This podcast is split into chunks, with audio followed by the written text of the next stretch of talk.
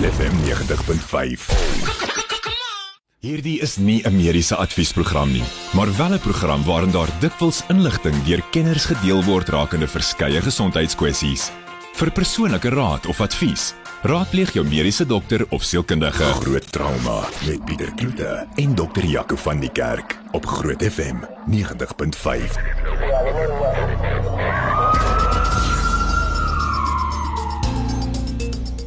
Welkom terug by Groot Trauma vanaand. Dis Woensdag aan Klein Saterdag en Dr. Jaco, baie welkom aan jou. Dankie Pieter, goeienaand almal by die huis. Dis Dr. Jaco van die kerk en hy's 'n trauma dokter by of 'n direkteur van die trauma eenheid by Netcare in Montana en hy het ook sy eie praktyk daar in Montana en almal ken hom reg oor Pretoria en dis lekker dat hy weer vanaand hier sou is. Onthou ook ons doen aan die einde van die program vra vir Jaco, so as jy enige mediese vrae het wat jy graag wil hê hy moet vir jou antwoord, stuur hom vir ons 'n WhatsApp by 061 610 4576 en onthou standaard tariewe geld en ons gaan kyk of ons dit vir jou kan antwoord. Maar nou is bietjie in die nuus Jaco, dit lyk vir my dat ehm um, baie mense verwar of ek ek sê net maar mense verma, verwar malaria met COVID-19. Ja Pieter, ehm um, en en dis veral nou hierdie tyd van die jaar waar dit 'n groot probleem kan kan veroorsaak. In die begin stadiums van malaria is die simptome presies dieselfde as met COVID-19. Jy gaan ook koors kry, hoofpyn, lyfseer, gewrigspynne. Ehm um, hierdie non-spesifieke goed wat sekerlik enigiets kan wees en uitdraai om enigiets te wees later. Uit die aard van die saak is mens malaria te laat optel, dan eindig jy met komplikasies soos renale of niermalaria wat die ouer mense sal ken as swartwaterkoors. Jy dink aan serebrale malaria wat dan uit die aard van die saak jou sterftesyfer soveel verhoog. Ehm um, so die die gedagte is om nie malaria te mis in die vroeë fase nie en dat 'n mens dan komplikasies kan voorkom. As mens gaan kyk na die Nasionale Instituut vir Draagbare Siektes, het hulle ook dan nou hierdie week hulle kommer uitgespreek oor dat die vroeë simptome soortgelyk is aan aan COVID-19 en mense sal dink omdat die COVID-19 pandemie nou nog in almal se hmm. gedagtes is dat dit net dit is. Maar in Januarie is daar al meer is 371 malaria gevalle aangemeld by die instituut vir vir oordraagbare siektes wat nogal baie is. Ja, jy het al soveel keer gesê op die program Moenie dat COVID-19 jou van die hospitaal af wegbly nie. Ek bedoel, is nog steeds hospitaal, jy kan nog steeds gaan as jy Dis die belangrike ding en alles is nie COVID nie, jy weet. Hmm. Ehm um, ons sien eintlik bitter min COVID nou en en ons sien weer die gewone siektes. So moenie wegbly as jy daar kom nie. As jy te laat kom met malaria is nog steeds 'n dodelike siekte ongelukkig, selfs in die jaar waarin ons leef. Sjoe. En dan ehm um, ek dink iets waaroor jy ook baie lank kan praat, eise vir mediese nalatigheid bedreig die hele gesondheidstelsel. Neem dit toe, mediese eise. Raak ons nou op soos Amerika wat letterlik vir enigiets dagvaar. Pieter, ek dink ons raak erger as Amerika. Ek weet as jy na die Amerikaanse stelsel gaan kyk, hulle het wat hulle praat van 'n cap op mediese eise. So jy kan nie bo 'n sekere bedrag eis nie. Um vir 'n spesifieke ding. Nou die groot ding is ek dink wat vir my 'n baie baie emosionele ding is is daar's 'n baie baie fyn lyn tussen wat is nalatig en wat is 'n komplikasie. En baie keer eindig komplikasies ook in die nalatigheidshof. Dis die een een probleem. Die tweede ding is um dit is nie net die privaat sektor wat aangetast word nie, die staatssektor word ook al hoe meer gedagvaar en die reuse eise wat uitbetaal word Ehm um, daai geld kon gebruik word om eintlik die dienste wat daar veronderstel is om te wees te verbeter. As mens gaan kyk na privaat gesondheidsorg, ehm um, dit varieer enigiets tussen 20 25000 rand per jaar tot 1.2 miljoen per jaar wat 'n mens kan kan verwag om te betaal vir versekerings. Hoeveel nou, sê geweet? Julle as dokters jy kan enigiets van 20000 tot tot 1.2 miljoen per jaar. Ja. So as jy 'n ginekoloog is vandag, so ek of 'n spinaalchirurg of een van die goed en jy wil begin praktiseer Januarie, dan kry jy 1.2 miljoen rand se rekeningkie wat jy oorbetaal aan jou versekeringsmaatskappy. Dit is nie afbetaalbaar nie. En ehm um, dan kan jy begin praktiseer. En sure. dan wonder mens hoe hoe is dit nog die moeite werd? Hmm. En spesifiek die obstetriste en ginekoloog het nou al jare lank gewaarsku hier dat al hoe minder en minder mense stel belang om daarin te gaan spesialiseer want hoekom lê 1.2 miljoen per jaar um betaal en jy het nog niks gedoen nie. Ehm um, so dit is dis ongelooflik. Ehm um, as mens gaan kyk na die verlede was daar as jy byvoorbeeld nalatigheid kon bewys in 'n miskraam met jy omtrent 4.62 miljoen rand uitgekry as jy suksesvol dagvaar. Ehm um, met cerebrale gestremdheid en en daar is ook baie debatteerbaar is dit altyd nalatig. Het dit tot 22 miljoen gegaan. Sjoe. Maar in die laaste 6 jaar as mens na die statistiek gaan kyk, het die eise met 14% per jaar toegeneem. So dis 'n ongelooflike groot bedrag ehm um, wat wat dan tans in die in die regstelsel is waaronder die dokters ge, ge, gedagvaar word. Ehm um, as jy gaan kyk die uitvoerende hoof van een van die groot ehm um, versekeringsmaatskappye sê dat ehm um, hulle raam eise teen privaat praktisyns beloop tussen 1.5 miljard en 3 miljard 3 miljard op enige gegeewe tydstip. Sure. Ehm um, en en wat dit nog slegter maak is dat hierdie regsgedinge so lank uitgereik word. So daar is 'n kommissie aangestel om te kyk hoe kan 'n mens hierdie ding tot 'n minimum beperk en ek mm. dink die die voorstelle wat gemaak is is ongelooflik goed. Jy weet, die eerste stap is uit die aard van die saak bemiddeling. Um en om dan die geskil te probeer oplos tussen die partye sonder om hof toe te gaan. En ek dink dis daar waar goeie kommunikasie inkom en ek dink dis daar waar nalatigheid en komplikasies van mekaar geskei kan word. Mm. Ek stem 100% saam as iemand grof nalatig is. Um hy het versekerings dan uit die aard van die saak verdien daai persoon wat te nagekom is as gevolg van die nalatigheid verdien um kompensasie. Maar ek dink ook nie mense kan aanspreeklik gehou word vir komplikasies nie want dit is nie in ons ons almal se beheer nie. Um die ander ding is dat daar 'n perk op die tydsduur waarbinne eis kan voortgaan gestel word. Ek meen wat wat ons baie keer sien tans is dit 3 jaar wat jy die eis moet moet moet aan die gang hou. Maar wat dan die regsgeleerdes doen is hulle hulle sal jou dagvaar en dan net voor 3 jaar verby is sal hulle sloer en dan gaan hulle jou weer 'n briefie skryf so van jou laaste korrespondensie het jy 3 jaar en en dan sloer hierdie goed vir jare en dit maak die mm. die, die koste astronomies. Ehm um, dan uit die aard van die saak dink ek is ons op daai stadium is mense na hierdie hierdie bedrag kyk waar ons ook dalk na die cap stelsel van die Amerikas moet gaan waar mense net 'n sekere hoeveelheid um, kan eis vir 'n sekere komplikasie. En 'n ding wat vir my baie belangrik is, um gestel dit is nou 'n cerebraal gestremdheid kind en daar word 'n 22 miljoen rand um beskikbaar gestel. Hoekom spandeer of hoekom betaal daai 22 miljoen rand dadelik uit? Hoekom spandeer hulle dit nie soos die kind dit nodig het nie? So as die kind dan siek is of die kind word opgeneem, betaal dit uit daai geld uit by all means, maar hoekom spandeer jy daai 22 miljoen rand en jy gaan gee dit vir die ouers en sê bestuur dit. Daai kind leef dalk net 5 of 6 of 7 jaar en dan is daar geen uitgawes verder in terme daarvan nie. Ehm um, so ek dink dis dis alles maniere hoe mense die kostes kan beperk want ons land kan nie bekostig om eise van 22 miljoen uit te mhm. betaal nie. Mm ons kan ook nie bekostig om ons as as praktisyns tot 1.2 miljoen per jaar te betaal net aan versekerings nog voordat jy 'n pasiënt gesien het nie. En dit maak net dat gesondheidsorgkoste van so 'n aard raak dat niemand dit kan bekostig nie. Um en en en ek dink regtig waar dit dit spoel nou oor na die state ook. En dit maak 'n groot verskil in hoe mense ook in die staatssektor kan behandeling ontvang al dan nie. Sure. So dit wys eintlik dat dokters wat nou spesialiseer letterlik amper 3 uit die 12 maande werk hulle eintlik net om hulle versekerings te betaal uit die aard van die saak. ja. Ehm um, hierdie week is daar ook 'n uh, eh, die World Skills kompetisie wat aangebied word deur WHCT of die Health and Welfare Sector Education and Training Authority en Elaine Brass is die hoofuitvoerende beampte van hierdie event wat ook by Tikkies gehou word. En ehm um, sy kon ongelukkig nou nie vanaand hier wees nie, maar sy het wel vir ons die volgende gestuur om bietjie meer te vertel van hierdie event wat nog môre is. For the first time this year, South Africa will display the health and social care skill in the World Skills International Competition to be held in Shanghai, China in October 2022.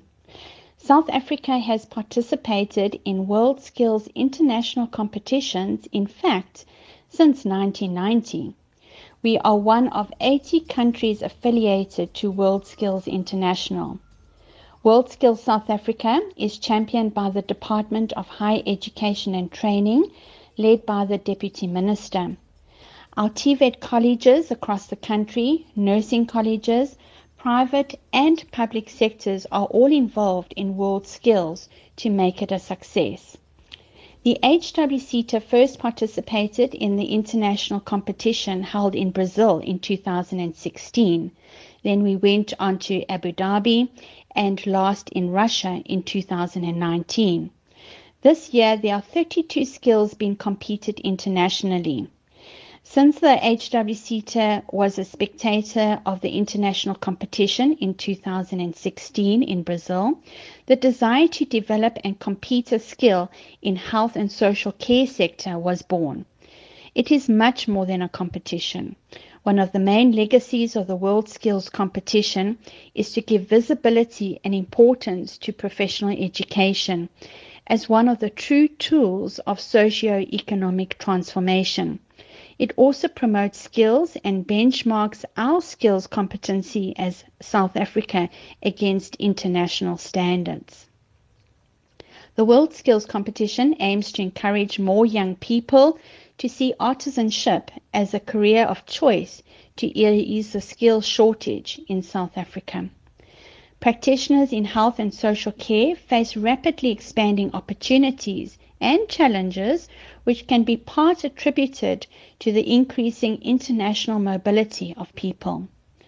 For talented youth, there are many international opportunities. However, these carry with them the need to understand and work with diverse cultures and systems or regulations. The diversity of skills associated with health and social care is likely to expand. Supporting this category at the international level means supporting youth skills and increase international exposure to our learners. It is more than a competition. It's an opportunity to develop, grow and encourage, to inspire youth to master their skill. This year we have almost 30 young nursing students competing at the provincial level competition. We will be looking to take about 80 of these top students to the national competition to be held in Durban in March 2022. The winner of the national competition will be taken to the international competition in Shanghai later this year. Participants must be nursing students no older than 23 years of age. We are looking to display the strength and quality and high level of skill in this ca- category that we possess in our country, bearing in mind that we will be competing with the best in the world.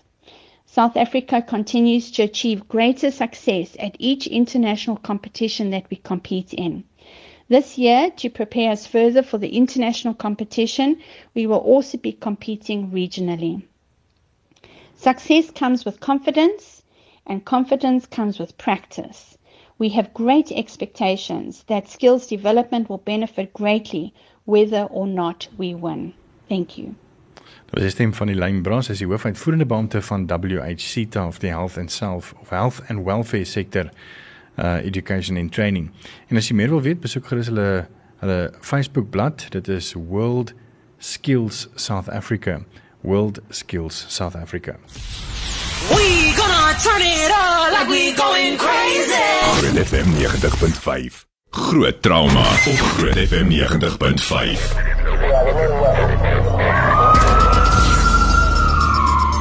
Dis 24 minute oor 8. Baie welkom.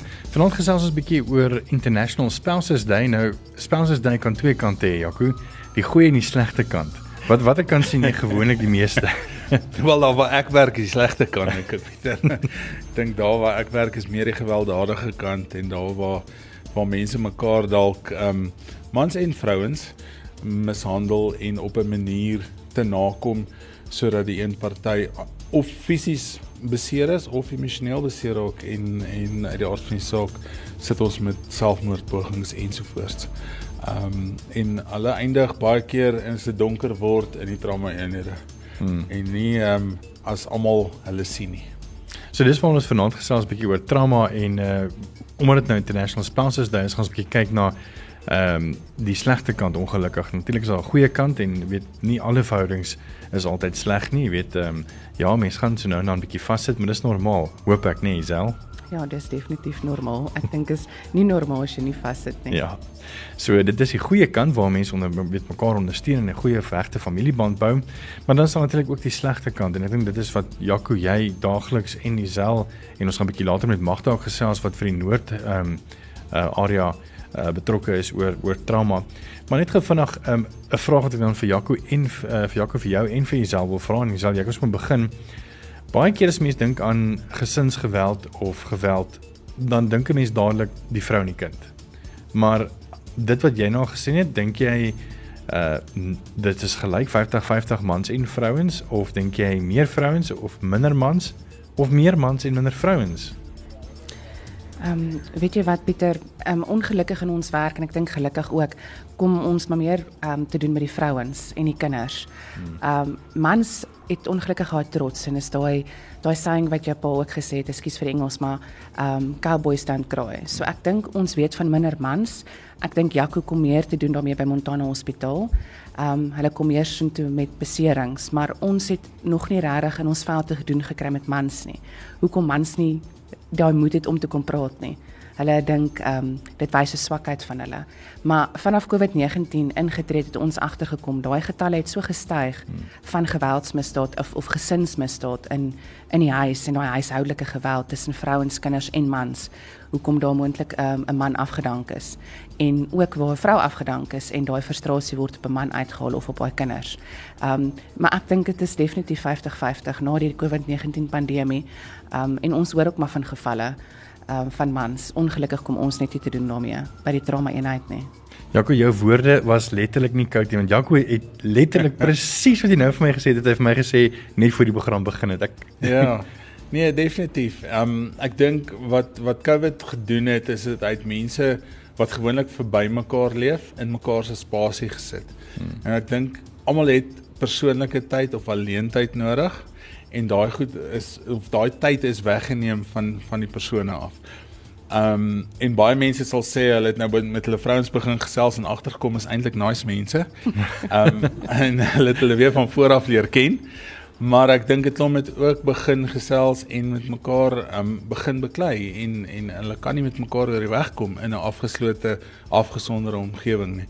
En ek dink um dit is 'n groot toets ook vir verhoudings. Ehm um, as jy deur so tydperk gaan en jy oorleef dit, dan het jy dan dan jy by die regte persoon.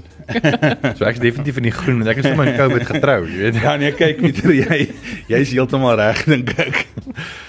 dan net vinnig oor ehm um, weet baie keer dan uh, dan hoor mense nou van 'n weet 'n vrou wat ehm um, abuse word deur haar man uh en aangerand word en die meer maar tog gaan sy heeltyd terug en weet en haar vriende sê man los nie die ou maar dit is nie altyd so maklik nie nê nee. Weet jy wat Pieter, ek en Magda het ons so vandag bietjie voorberei en die gevalle wat ons al teëgekom het. Dit is nie so maklik nie want daai tekens wat jy met raak sien as hulle in 'n in 'n geweld verhouding is met 'n man is letterlik daai man word um die die um, broodwinner en hy ontneem geld van hierdie vrou.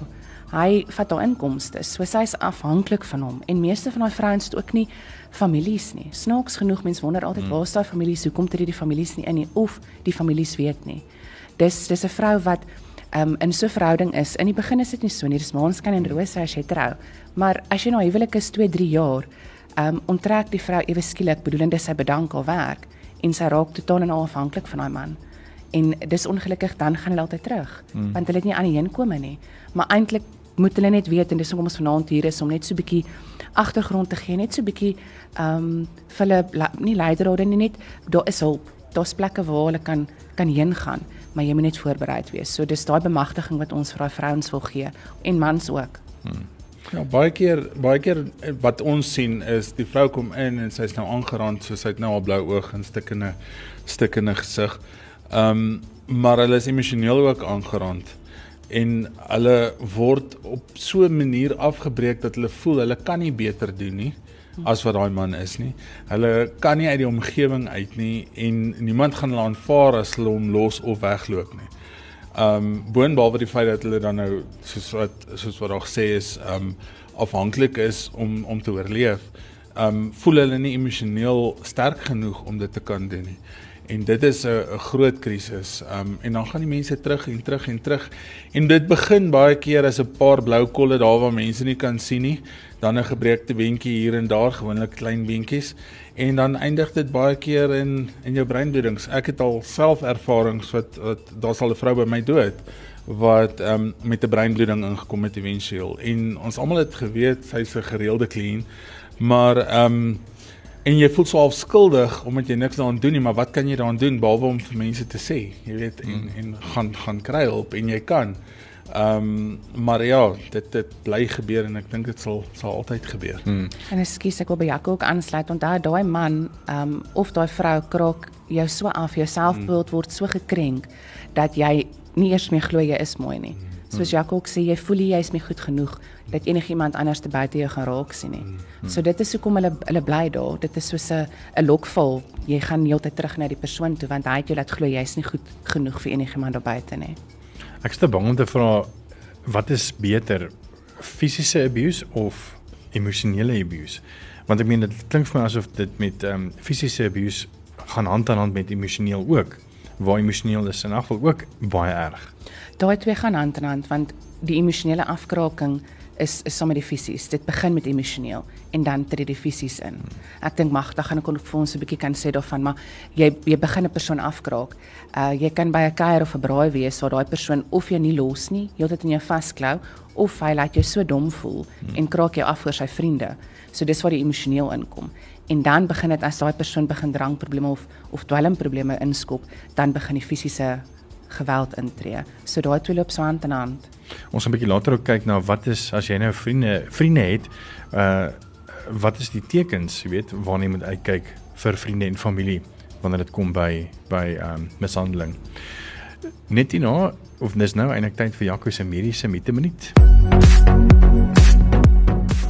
Ja, ek dink ons het al die grootste deel van die mite wat ek aan gedink het vir vanaand bespreek in terme van um almal dink altyd dit is net vrouens en kinders wat wat um mishandel word.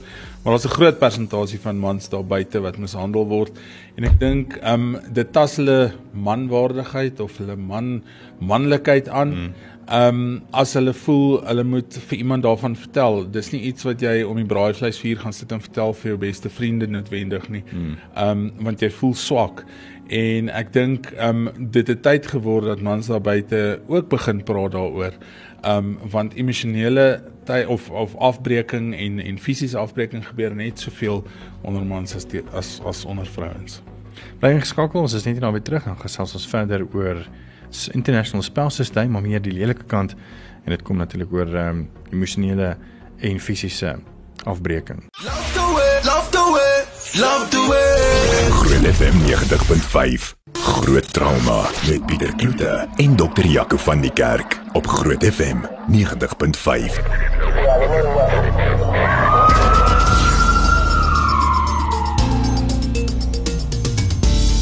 Welkom terug. Ons gesels oor gesinsgeweld want vandag is International Spouses Day en nie alles gaan altyd maanskyn en rose in verhoudings nie.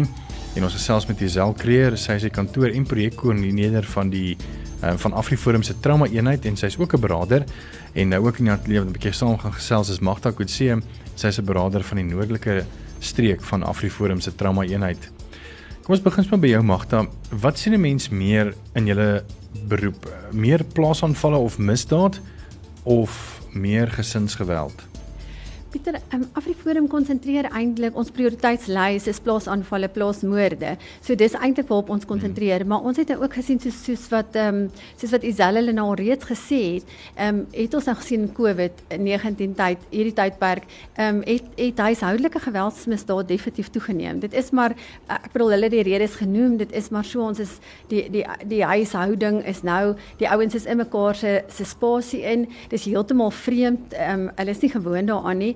En ons vrouens is ongelukkig gesagte teiken. Ek bedoel dis presies wat hulle ook gesê het, ehm um, mans word definitief ook ehm um, hulle hulle ly ook onder geweldsmisdade en hulle loop ook deur.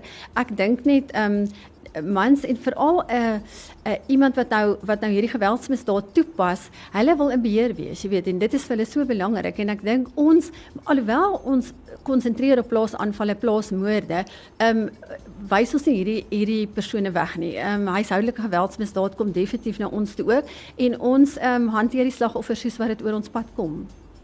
Ek wil net gevraag dan 'n vraag aan aan jou magte en dan ook Ja. aan uh, Dr. Jaco van die kerk. Ehm um, het nou 'n vraagie vergeet ek wou gevra het en ek en dit was 'n goeie vraag geweest glo vir my. Ehm um, oor die wetlike aspek daarvan. Uh, jy weet, kom ons sê byvoorbeeld julle sien daagliks en ek wil graag weet van 'n beraader se se perspektief af en dan ook van 'n trauma dokter se perspe- perspektief af want ek meen jy uh natuurlik met jou eet wat jy afgeleer het Jaco, moet jy mense help.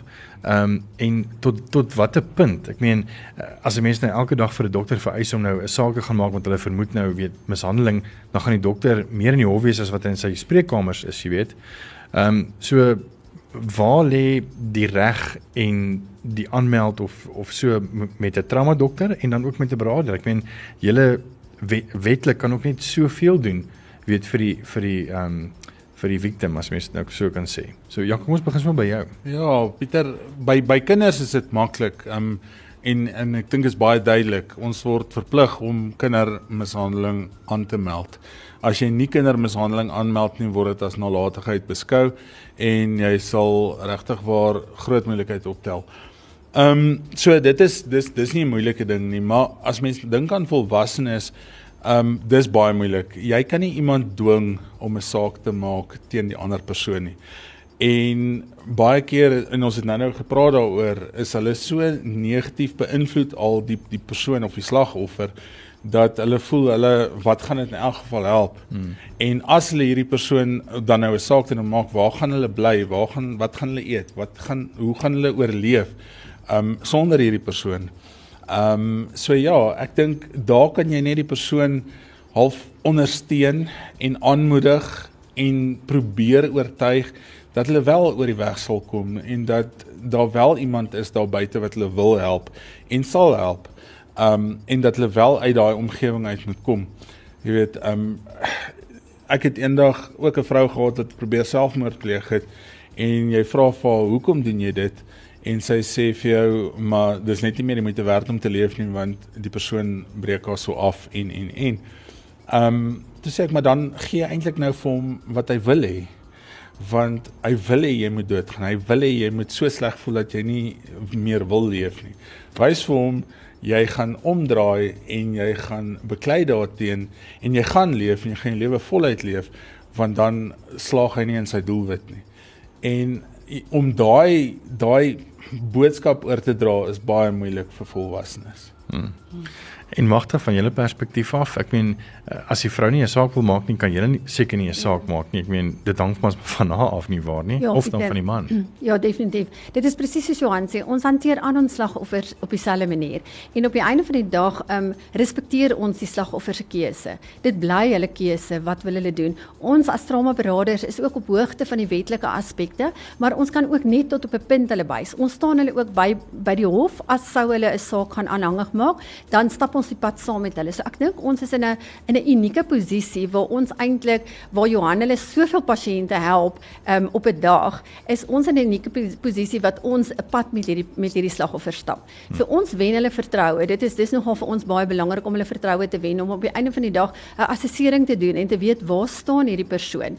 En dan op die einde van die dag as hulle wou as hulle wil 'n saak maak, dan stap ons met hulle die pad. Maar ons kan ook die pad stap net tot op 'n punt. Mm. Ons kan hulle help met 'n verklaring. Ons kan vir hulle net die basiese van 'n verklaring wys ons kan vir ons lê nie die woorde in hulle mond nie, maar ons kan hulle help met 'n verklaring. Ons kan saam met hulle hof toe gaan en hulle emosioneel bystaan want hierdie hierdie arme persone is gewoonlik is is hierdie vrouens ehm um, hulle was nog nooit in 'n hof nie. Hulle het nog nooit die binnekant van 'n hof gesien nie. So dis vir ons nogal belangrik want jy wil hierdie ou ophef. Dit is wat jy eintlik wil doen. Jy wil hierdie slagoffer bemagtig om op die einde van die dag ehm um, regtig uit hierdie situasie uit te kom, maar behalwe om uit hierdie situasie uit te kom, om dan ook 'n plek weer in die lewe vol te staan, om te weet ek beteken iets vir iemand. Ek is daar vir iemand. Ek is ek ek ek, ek behoort. Ek ek is Jy weet, ehm um, want dit dit word afgekraak. In hierdie geweldsmisdaad word dit totaal en al afgekraak. Dit dit vat hulle heeltemal uit hulle posisie van ek ek is daarom iemand, ek beteken daarom iets, jy weet. So ons probeer daai weer terugbring. Ons probeer en di, daarom is dit so uniek om met hulle om die voorreg te hê om met hulle die pad te stap. Ehm um, en hulle waardeer dit so verskriklik baie want daar's min mense wat regtig tyd spandeer aan hierdie ouens want dit vat tyd. Dis ongelukkig so. Maar ons kan ook net tot op 'n punt. Ons kan nie in die hof vir hulle gaan instaan nie. Ons kan nie vir hulle gaan tuig, gaan getuig nie. Ons ons kan nie daai doen nie. En dit bly hulle keuse. Maar julle ondersteun hulle nou. Ons ondersteun hulle die hele pad, sover as wat ons moontlik kan en sover as wat hulle ons toelaat. Want ek moet sê ek het eerstehandse ondervinding ehm um, so 2 jaar terug met 'n vriendin wat ook 'n saak moes gaan maak het uh, om ehm um, uh bevel te kry dat die persoon nie in 'n sekere hoeveelheid uh kilometer van haar moet wees nie. Ek moet sê ja. sy het nie enige uh ondersteuning gehad behalwe nou weet 'n vriend of 'n vriendin nie en dit was vir haar traumaties en sy het amper gevoel asof sy die skuldige is, weet Ja. soos die regter in die regstelsel in die middestad van Pretoria met die dame gaan. So dis wonderlik om te weet dat hulle weet 'n helpende hand het uh by julle. Ja, en ons um, jy weet ek bedoel dis hulle keuse, maar ons help hulle ook byvoorbeeld die meeste van hierdie persone weet ook nie hoe om 'n interdik te kry nie. Jy weet Mm. hoe om dan daai beskermingsbevel teen hulle te kry, jy weet te, weet te kry dat hulle dan ten minste op die ou end veilig voel, jy weet. So dis dis daai tipe goed waar waar ons hulle ondersteun, jy weet, en wat wat ons waar ons die pad met hulle stap. Dis wonderlik. Dis Magda Kutse en sy is van die Noordstreek van AfriForum se trauma eenheid en sy is ook ehm um, uh ja, die deel van AfriForum se trauma streek, Magda Kutse en dan Isel Creer wat die kantoor en die projekbestuurder is, maar ook 'n beraader is vir AfriForum se trauma eenheid. Ons net hier nou weer terug en dan gaan ons 'n bietjie kyk na jy weet waarna moet jy as as vriende en familie uitkyk ehm um, vir die tekens van ehm um, gesinsgeweld en die meer. En dan is dit ook weer tyd vir vrae vir Jaco en ek sien daar's 'n paar lekker vrae wat deurgekom het. So as jy nog vrae het vir Jaco of vir ons onderwerp of nie, 061 610 4576 en onthou standaard tariewe geld. Jou grootste FM in Pretoria. Groot FM 90.5. Met die volgende program bo Groot FM 90.5 om jou as luisteraar met die nodige inligting oor 'n spesifieke onderwerp te voorsien. Alhoewel hierdie inligting dikwels deur 'n kenner op die gebied gedeel word, word jy aangemoedig om jou mediese dokter of sielkundige te besoek vir persoonlike advies of raad. Groot trauma met Pieter Kloete en dokter Jaco van die Kerk op Groot FM 90.5.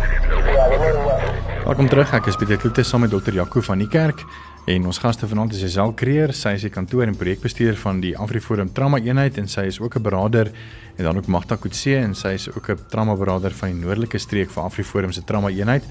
En ons 'n bietjie gesels oor die situasies waarna mense in is, ek meen die wetlike aspekte en weet wat hulle werk baie keer herinner en die meer. En ons gaan 'n bietjie gesels oor waarna jy kan uitkyk as vriend en familie, weet om om daai gevaartekens van gesinsgeweld te kry en dan ook 'n paar ander dinge, maar daar's 'n oulike of nie 'n oulike nie, maar daar's 'n boodskap van 'n getuienis wat deurgekom het Jaco. Ja, Pieter, ehm um, Tersia het vir ons geskryf, my gewese oorlede man het my geslaan dat ek gedink het ek gaan doodgaan. Hy het my neus gebreek, geslaan met sy kop, emosioneel afgebreek en verneder, beledig en geoordeel en sy dood het haar lewe verander. God se genade het haar gered. Sure. En ehm um, dis erg om om te dink dat die dood vir haar die uitkoms gebring het. Ehm um, maar dis baie keer waar dit eindig, nê. Nee, dis Ja. Ja. Dis baie hartseer. dis uh ja. So waarna kan 'n mens uitkyk in vriende en familie, weet ehm um, vir die gevaartekens? Weet jy wat Pieter? Ehm um, ek en Magda het soos ons ook vandag voorberei het, het ons mekaar gesê jy het 'n vriendin of 'n vriend as nou 'n manlike persoon is wat borrelend is en daai vriend of vriendin voor hulle getrou het, is altyd by jou en altyd in kontak met jou. Hulle kommunikeer altyd met jou. Maar nou is hulle getroud en 2, 3 jaar in 'n huwelik kan jy sien dit is nog maanskyn en rose. En selfs by die werk het my vriende en vriendinne. Dan kan jy sien daai persoon begin ewe skielik stil raak. Hulle distansieer hulle. Hulle is nie meer in 'n groepsverband betrokke by mens nie. Hulle kyk nie meer na hulle self of versorg hulle self waar 'n vrou moontlik kanaals gedoen het of hare gedoen het, grimering aangesit het. Um hulle kom springerig voor. Um hulle raak aggressief moontlik of hulle raak skaam. Hulle persoonlikhede verander amper. Ehm um, daai is tekens om te kyk um, as daar nie fisiese letsels is natuurlik nie, is daai emosionele tekens om raak te sien hoe 'n persoon was en nou nie meer is nie. Ehm um, en daai persoon moontlik ook na 2, 3 jaar na huwelik moontlik die werk verlaat en net as- amper soos mis van die aardbol af verdwyn. Daai is groot rooi ligte wat ons vir mense wil sê jy moet asseblief aan daai persoon aandag gee. En en daar's hulplyne, daar's soos baie skuilings wat jy by kan uitkom. Maar jy moet 'n beste vriendin of 'n vriend hê wat agterkom oor hier hierdie persoon is nie meer hom of self of haarself nie. En ons het ook gepraat oor mans wat wat kan deurloop onder gesinsgeweld en het iemand vir ons sê gaan maar die persoon se naam anoniem hou. Wat sê goeienaand, wat van die geval wat 'n vrou 'n man sleg bena- uh, behandel en en afkraak en slegs sê die vrou die man aanrand en hom beskuldig van rondneek ensovoorts. Ek was in so 'n verhouding gewees vir 3 jaar emosioneel afgekraak. En dit is nou weer van 'n man se perspektief en hierdie kan gebeur.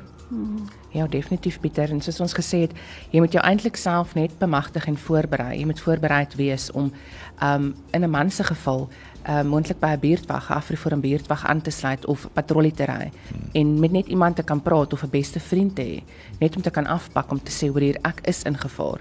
Um ek is net bietjie bang om te praat daaroor of net ek kry skaam. Soos jy ook gesê het, Jaco, daai manlikheid, daai ego word aangetas. Hmm. Maar jy moet iemand hê waar jy veilig voel en mee moet kan praat. So as mens vir daai man kan raad gee is is praat. Ehm um, kom by jou dominee uit of jou pastoor en gaan pak net bietjie af. Ehm um, daai manlikheid word nie aangetas in elk geval nie. Ek dink jy's in elk geval 'n sterk man as jy dit kan erken en hulp kan kry. Ja, enige laaste woorde van jou of Magda? Ek dink 'n mens moet regtig bedag wees om uit te kyk vir rooi ligte. Ek dink 'n mens moet regtig weet, jy weet, um, ek, ek persoonlik dink dat um fisiese misdaad is nie altyd um of mishandeling is nie altyd so sleg soos verbale of emosionele mishandeling nie, want dis binnewonde en ou sien nie hierdie binnewonde nie. En dis so belangrik om te weet op die einde van die dag as jy 'n goeie vriend het of 'n goeie vriend is, om dan bedag te wees daarop soos jy self gesê het, jy weet, hulle onttrek hulle gewoonlik van die samelewing, mans of vrouens, dit maak nie saak wat se geslag jy is nie, jy weet, hulle hulle praat al hoe minder, hulle hulle wil glad nie meer deel van groepe wees nie. Hulle en en dis nogal belangrik as 'n goeie vriend om dit raak te sien, om om te weet, maar hierdie ou het 'n probleem, jy weet. En dan vir hierdie ouens ook ehm um, as hulle nie self hulle kan raad gee nie, soos jy self gesê het, verwys hulle dan, jy weet, na 'n trauma eenheid toe, na ehm um, waar hulle hulp kan kry, jy weet, sluit aan by Afriforum se buurtwag. Ons het 'n ons het 'n 911 toep wat hulle net 'n knoppie kan druk, jy weet. So daar's baie ehm um, geleenthede waar hulle dit van gebruik kan maak om op die einde van die dag vir hulle self ehm um, veilig te hou en en hulle dan op die ou end uit so 'n situasie te probeer kry. Ja, ek dink die die goeie ding van COVID is dat ehm um, mense alleen in die trauma eenhede moes inkom. Hmm. Want wat ons altyd gesien het is dat mense kry mense wat skielike aankoms depressie het, skielike aankoms angs, ewe skielik kan hulle nou nie lekker slaap nie. Maar die ander persoon, net sy man of vrou, is heeltyd in daai kamer by en as jy 'n vraag vra, dan antwoord die man of die vrou dit.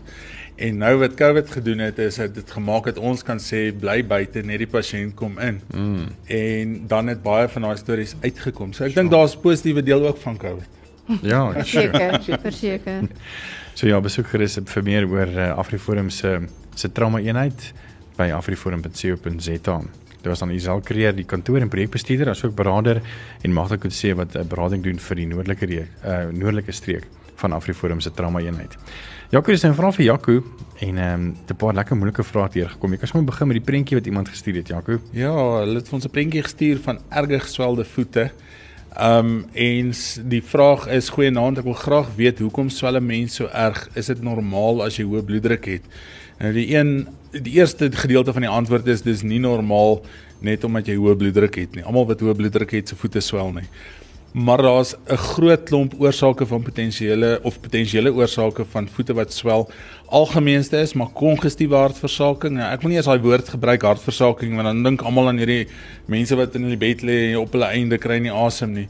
Maar kongestiewe hartversaking beteken eintlik maar net daar is 'n wanverhouding tussen die voglading in die liggaam en dit wat die hart kan hanteer.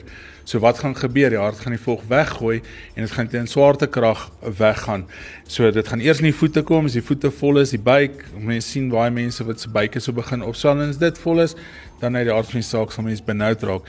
So aan die einde van die dag, dis een van die oorsake, lewerfunksie abnormaliteite, proteïentekort, innames is alles oorsake van van ehm um, vogterughouding en pedale of of onderbeen swelling en ehm um, ek dink mense moet die oorsaak daarvan gaan soek. Maar as iemand hoë bloeddruk het en dis ongekontroleerd, is dit waarskynlik kongestiewe hartversaking. En is dit behandelbaar? Dis behandelbaar, maar jy moet die presiese oorsaak gaan bepaal met bloedondersoeke ensovoorts. En dan nog so laaste vraag Jaco, net like my hierdie is nogal een wat vir jou gaan besig hou. Ja, ehm um, dis Nookie wat sê Marcel en Damian is ek neem aan is al twee kinders het al beide COVID. Hy het so, by die skool aangesteek waar klomp graad 8 positief getoets het. Ehm um, maar hy's na 3 dae toe nou beter. Marcel is nie beter nie. Sy vraag is waarna moet sy kyk omdat ehm um, dan Marcel faktor 5 lyding het. Nou faktor 5 lyding is 'n bloedstollingsabnormaliteit waar die persoon ehm um, makliker bloedklonte vorm. En met COVID is dit maar een van die goed wat mens diepvenese trombose of pulmonale embolisme of longbloedklonte kan vorm. So dit is 'n verhoogde risiko in persone wat faktor 5 lyding het. Um en mens moet vinnig optree sou daar enige tekens wees van hierdie sy hou haar saturasie dop en polslag ook, maar weet nie wat is te laag of te hoog polslag nie. Nou ons sê altyd die definisie van 'n te lae polslag of 'n bradikardie is 50 of minder as mens simptomaties is en te hoog is 100 of meer, is dit tachykardie. Gewoonlik as mens bloedklonte vorm wat longe toe gaan, soos met faktor 5 lyding, sal mens eerder 'n tachykardie kry, met ander woorde 'n vinnige polsslag as 'n as 'n laer polsslag. Ehm um, sy sê sy het 'n BiPAP masjien en 'n klomp medikasies. Met ander woorde, sy sukkel al klaar om asem te haal en het waarskynlik slaapapnee. Ehm um, so dit is 'n baie moeilike ding om subtiele veranderinge um by hulle by hulle op te merk. Die groot ek dink die groot ding is skielike skerp borskaspyne met 'n skielike toename in polsslag is 'n indikasie om maar hospitaal toe te gaan. Ek dink dis die belangrikste ding. En dan die persoon wat dan voel ook sy getuienis gegee het wil weet, um, ek sal graag wil aansluit by die trauma eenheid vir berading want ek voel nie myself nie en sukkel ook tans om ten volle te funksioneer en ek is bereid om te gaan vir berading. Is daar 'n kontaknommer of 'n groep en hoe raak 'n mens betrokke? Ehm um, ek weet nie self hoe kan 'n mens met julle in kontak kom en julle kan dan van daar af hulle sê weet waartoe hulle moet gaan en die meer. Ja, natuurlik. Ons het 'n noodnommer uh, by 067 870 8312 en dan het ons ook 'n uh, e-posadres by trauma@afriforum of by afriforum.co.za. Ekskuus, daai eerste nommer was 064 8708312 nie 067 nie. Moet gou vanaf weer. Ekskuus 064 870 8312 dis ons noodnommer. Ons 'n kantoorlyn by 012 880 1954 of weer die e-posadres is strama@afriforum.co.za. Ehm um, Pieter as ek mag, ek wil net hê ons miskien net noem van hierdie veiligheidsplan wat mense ook miskien net kan in kennis ehm um, neem om hulle self te beveilig as hulle in so 'n situasie is van 'n gesins ehm uh, misdaad is om ehm um, kry 'n vroue skuiling of huishoudelike geweld waar jy 'n blitslyn vir advies kan kry.